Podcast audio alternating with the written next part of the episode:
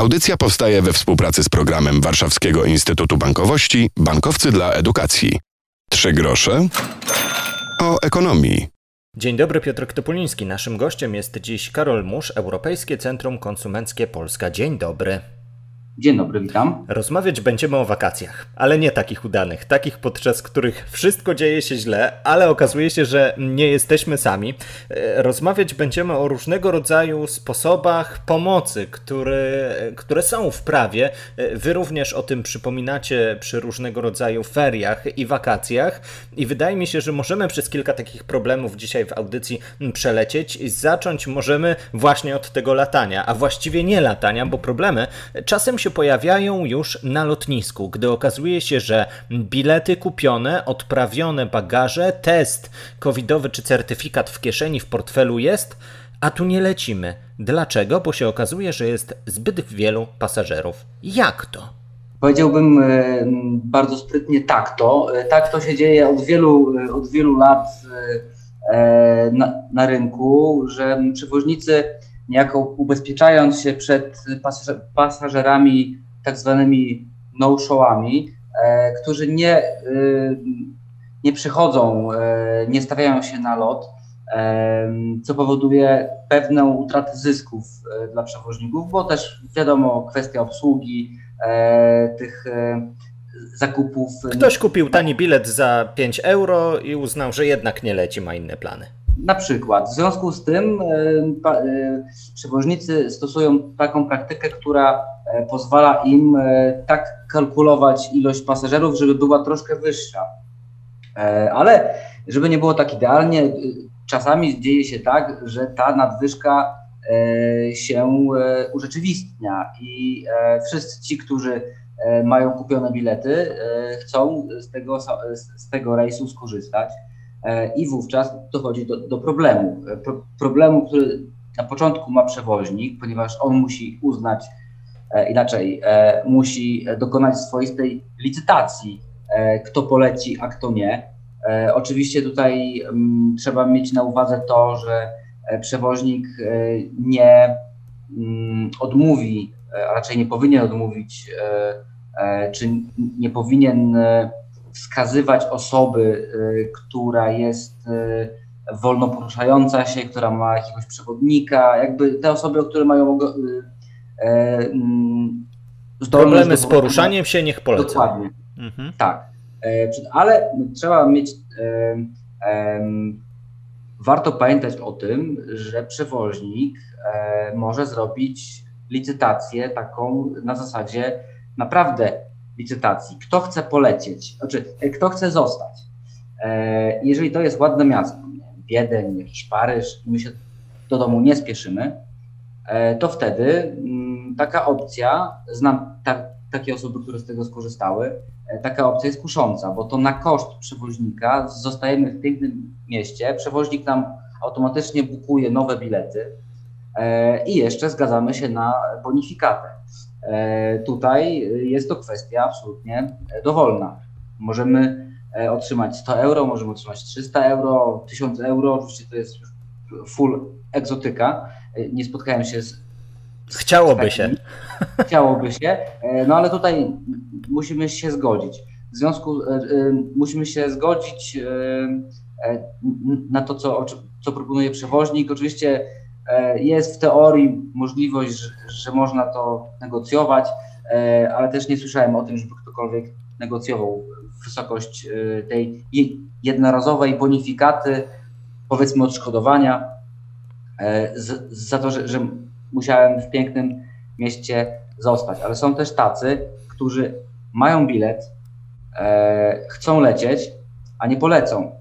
E, i nie zgodzili się być ochotnikami, którzy na lotnisku e, czy w danym mieście zostaną e, i będą oni przez przewoźnika wytypowani. Najczęściej typowanymi osobami przez przewoźników są osoby, które najpóźniej dokonały rezerwacji.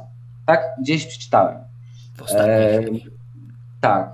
E, I te osoby mają prawo, to też nie jest tak, że mm, mm, muszą one E, pogodzić się z losem i e, czekać na, na lotnisku i załatwiać coś na własną rękę. Nie.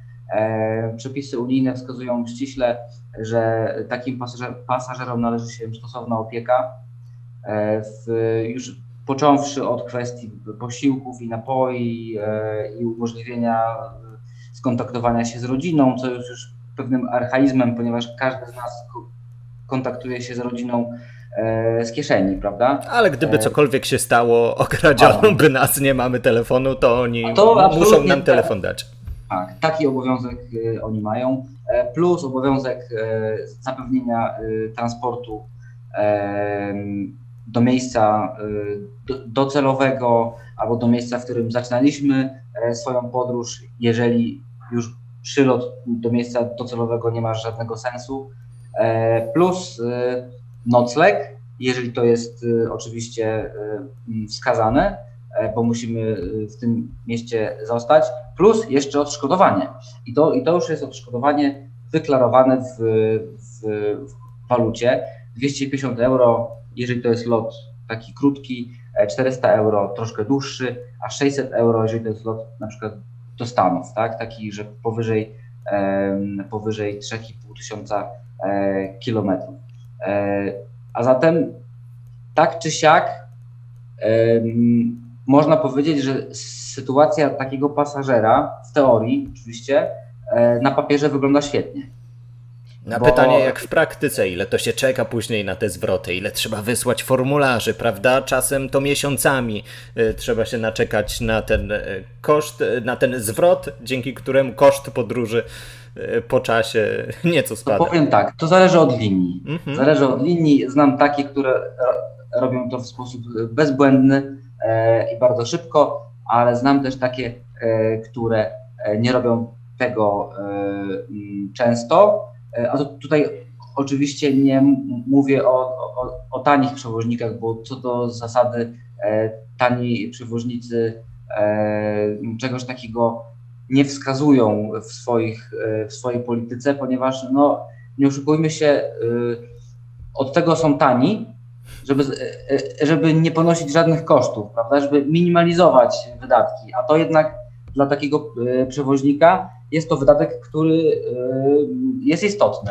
Choć e, przed prawem nie ucieknął i na stronie konsument.gov.pl można znaleźć już e, całe linki do konkretnych formularzy e, reklamacji i linie tam są od A do Z dosłownie i są tam i tanie linie i te nieco większe. Regularne. Tak jest. A zostańmy przy temacie lotów, bo te wakacje są dziwne. Są co prawda normalniejsze niż te, które mieliśmy w zeszłym roku, ale jest taka pewna niepewność, y, gdy ktoś y, bukuje wycieczkę, mm, że chciałby pojechać do kraju ciepłego.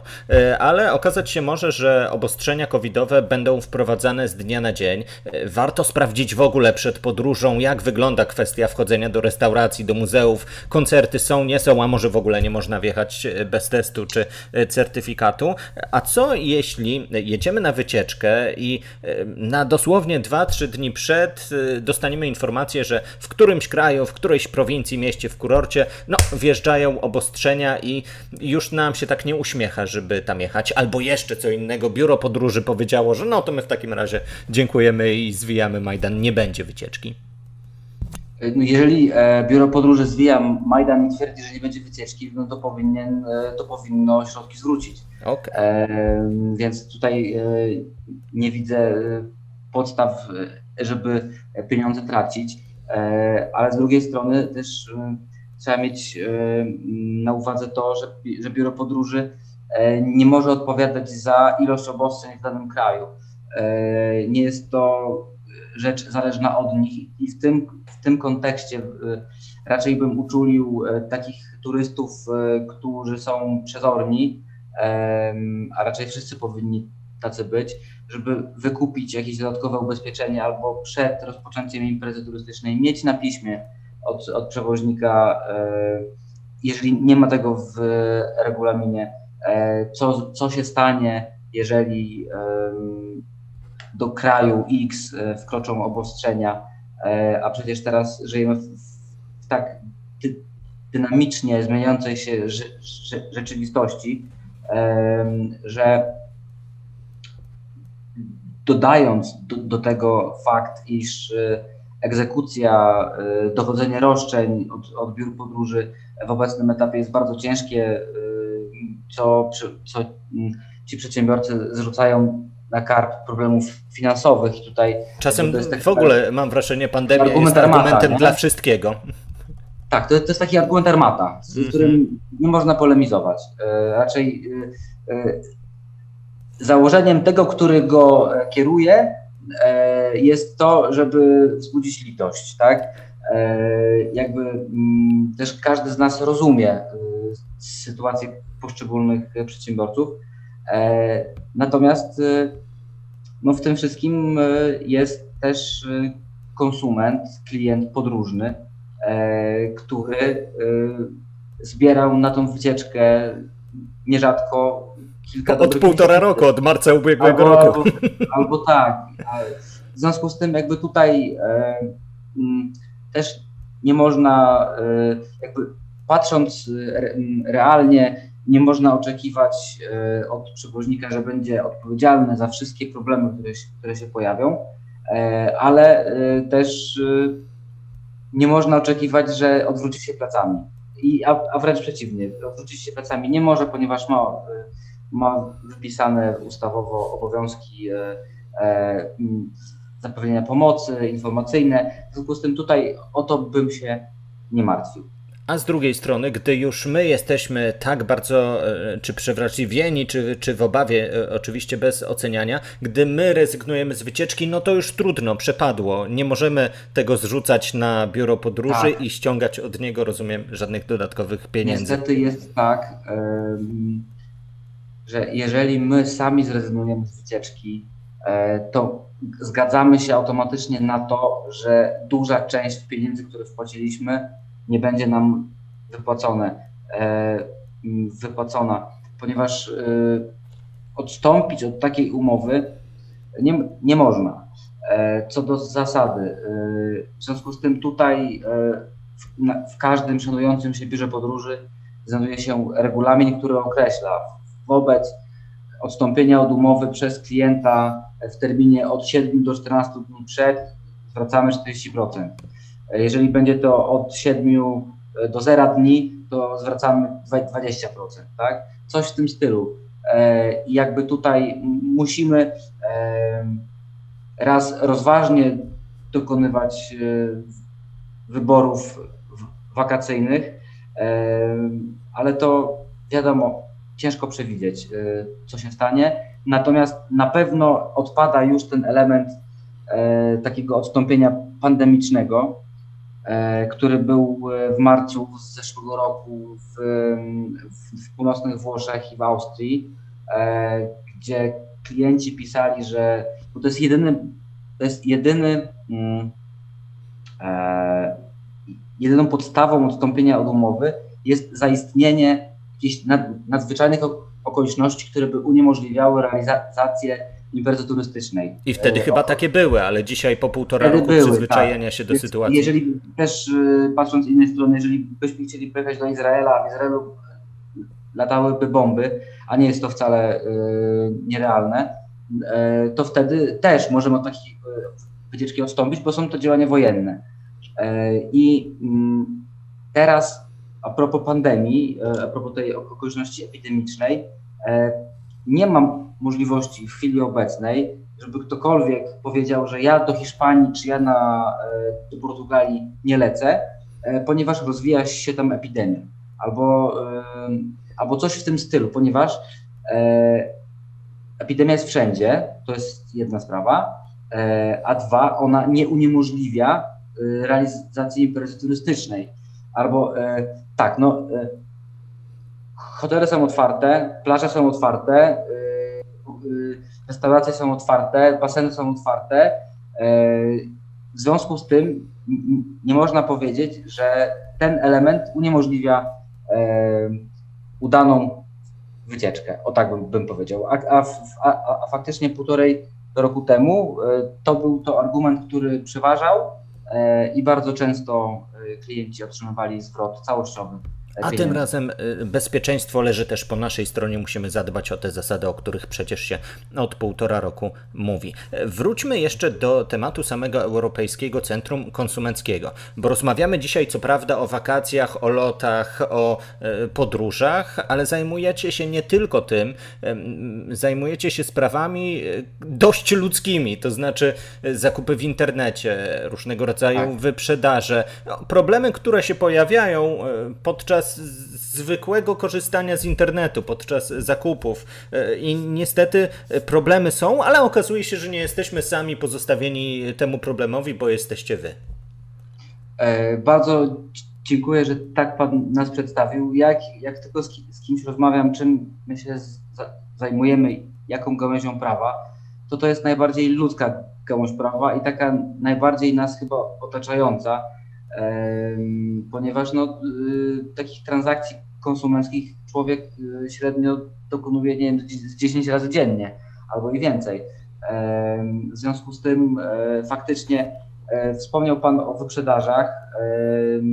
Jest to temat obecnie z Urzędem Ochrony Konkurencji e, i Konsumentów promowany, ponieważ bardzo dużo osób myśli, że jak jest towar przeceniony, E, to, towar, który kosztuje mniej, to, to oznacza automatycznie, że e, nie można go reklamować, że już jest oznaczony e, wadą, a wcale nie. No, towar, który jest sprzedawany na wyprzedaży, on wad mieć nie może. On po prostu jest tańszy. A wadę, a nawet gdyby miał wadę, mm, to sprzedawca musiałby nas poinformować o tym, że on ma wadę, ponieważ wtedy e, klient e, nie mógłby tej wady reklamować. No jest to w interesie e, sprzedawcy. Natomiast tutaj wracając do, do tych kwestii ludzkich, to przez ostatnie półtorej roku zauważyliśmy, jak niesamowicie rozwinęła się praktyka kupowania online. Co było raczej już wcześniej było to mocno E, popularne, a wręcz popularniejsze niż y, zakupy stacjonarne. Tutaj mówię w ujęciu transgranicznym, ponieważ my się zajmujemy sprawami e, ponadgranicznymi. E, tak teraz to już jest coś absolutnie normalnego, ale też y, jedna rzecz, którą chciałem powiedzieć, to to, co najbardziej mnie boli w sprawach, bo sprawy, które ktoś wskazuje, iż ma buty zniszczone, nie jesteśmy w stanie się dogadać ze sprzedawcą, albo e, pęknięty jest wyświetlacz, albo coś przyszło nie takie. Jeżeli jest sprzedawca, który jest zweryfikowany, można się z nim skontaktować i można jakieś wyjaśnienia usłyszeć i przekonać go do pewnych zmian, ale kiedy widzę, że ludzie kupują na stronach, które nie mają żadnych oznaczeń, nie mają regulaminu, nie mają wskazanego adresu, Y, e-mailowego, nie mają wskazanej, wskazanej nazwy firmy, tylko jest e, kuptelewizory.xx, prawda? E, I mamy telewizor przeceniony z 5000 na 3000. E, I, I dostaliśmy tę wiadomość mailem z jakiegoś dziwnego maila, ale klikniemy i przechodzimy przez ten proces kupowania. Na przykład. I ktoś się zgłasza do nas i mówi, bardzo proszę o pomoc. Ja bym panu bardzo chętnie pomógł, tylko z kim ja mam się skontaktować? Ja nie mam zielonego pojęcia. Nie jestem informatykiem, e, ani nie pracuję w policji, która by mogła cyberprzestępczość e, e, jakoś ogarnąć. Tak, no nie mam z kim się skontaktować i to jest taka prosta zależność. Idziemy do sklepu odzieżowego w centrum Warszawy i wiemy, gdzie idziemy. Widzimy oznaczenie, wiemy, kto tam pracuje, wiem, że to stoi. Znamy markę. Tak, tak w internecie od takich no-name'ów, naprawdę to jest już e, mm, takie trochę samobójstwo, e, takie finansowe, bo e, najczęściej kupujemy rzeczy, które są drogie. Mówię tutaj o, o iPhone'ach albo o innym sprzęcie, bo też to jest taka domena oszustów. I też warto pamiętać o tym, że ilość tych stron gro z, tych stron internetowych korzysta z szablonów, layoutów innych stron po prostu imitują inne strony. Nie wiem, to, to się chyba nazywa phishing. Pewnie. E, i łatwo da, e, można dać się nabrać, zwłaszcza jeśli ktoś nie jest obity w internecie i rzadziej z tak, tego korzysta. A egzekucja takich, dochodzenie roszczeń e, od takich e, sprawców, bo to nie można tego przedsiębiorcami Pewnie. nazwać, szczerze współczuję, bo polubownie z oszustami, mówię tutaj o Europejskim Centrum Konsumenckim, polubownie to my się z nimi nie dogadamy. My się dogadujemy z firmami, które istnieją typu e, polski przewoźnik, polski duży sklep internetowy taki, niemiecki sklep internetowy taki, francuski sklep internetowy taki. Oni istnieją i oni się komunikują. Czasami się zgadzają, częściej się, e, czasami oponują, częściej się zgadzają. E, ale jednak ale... kontakt jest, a tutaj jest, tak. krzak znika. Otóż to. Dlatego e, pamiętajmy o tym, że sprzedawca internetowy który operuje w Unii Europejskiej, musi się wylegitymować na swoich stronach internetowych. E, najpóźniej w momencie zawierania umowy. E, jeżeli widzimy, że zamiast kontaktu e, e-mailowego jest formularz kontaktowy, który tak naprawdę ja myślę, że wysyłam panu, a wysyłam zupełnie gdzie indziej, albo wysyłam w, w, w próżnię. Nie mam dowodu na to, że ja coś wysłałem. I tutaj pod kątem dowodowym jest, jest bardzo ciężko, dlatego e, apeluję, żebyśmy kupowali na stronach, które są zweryfikowane, a jeżeli nie są zweryfikowane, to można naprawdę zadzwonić do, e, do nas, do ECEK-u, WOKiK-u albo do rzeczników konsumentów, do organizacji e, konsumenckich i po prostu się upewnić, czy pana, czy pana, pa, pani zdaniem ten, w tym sklepie mogę bezpiecznie robić zakupy. Są też strony internetowe, scamadvisor.com, które pozwalają wskazywać, czy strona jest bezpieczna, czy można jej ufać.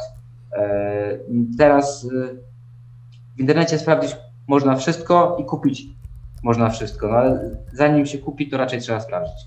Oczywiście. Scamadvisor.com, tę stronę polecamy. Polecamy także stronę konsument.gov.pl.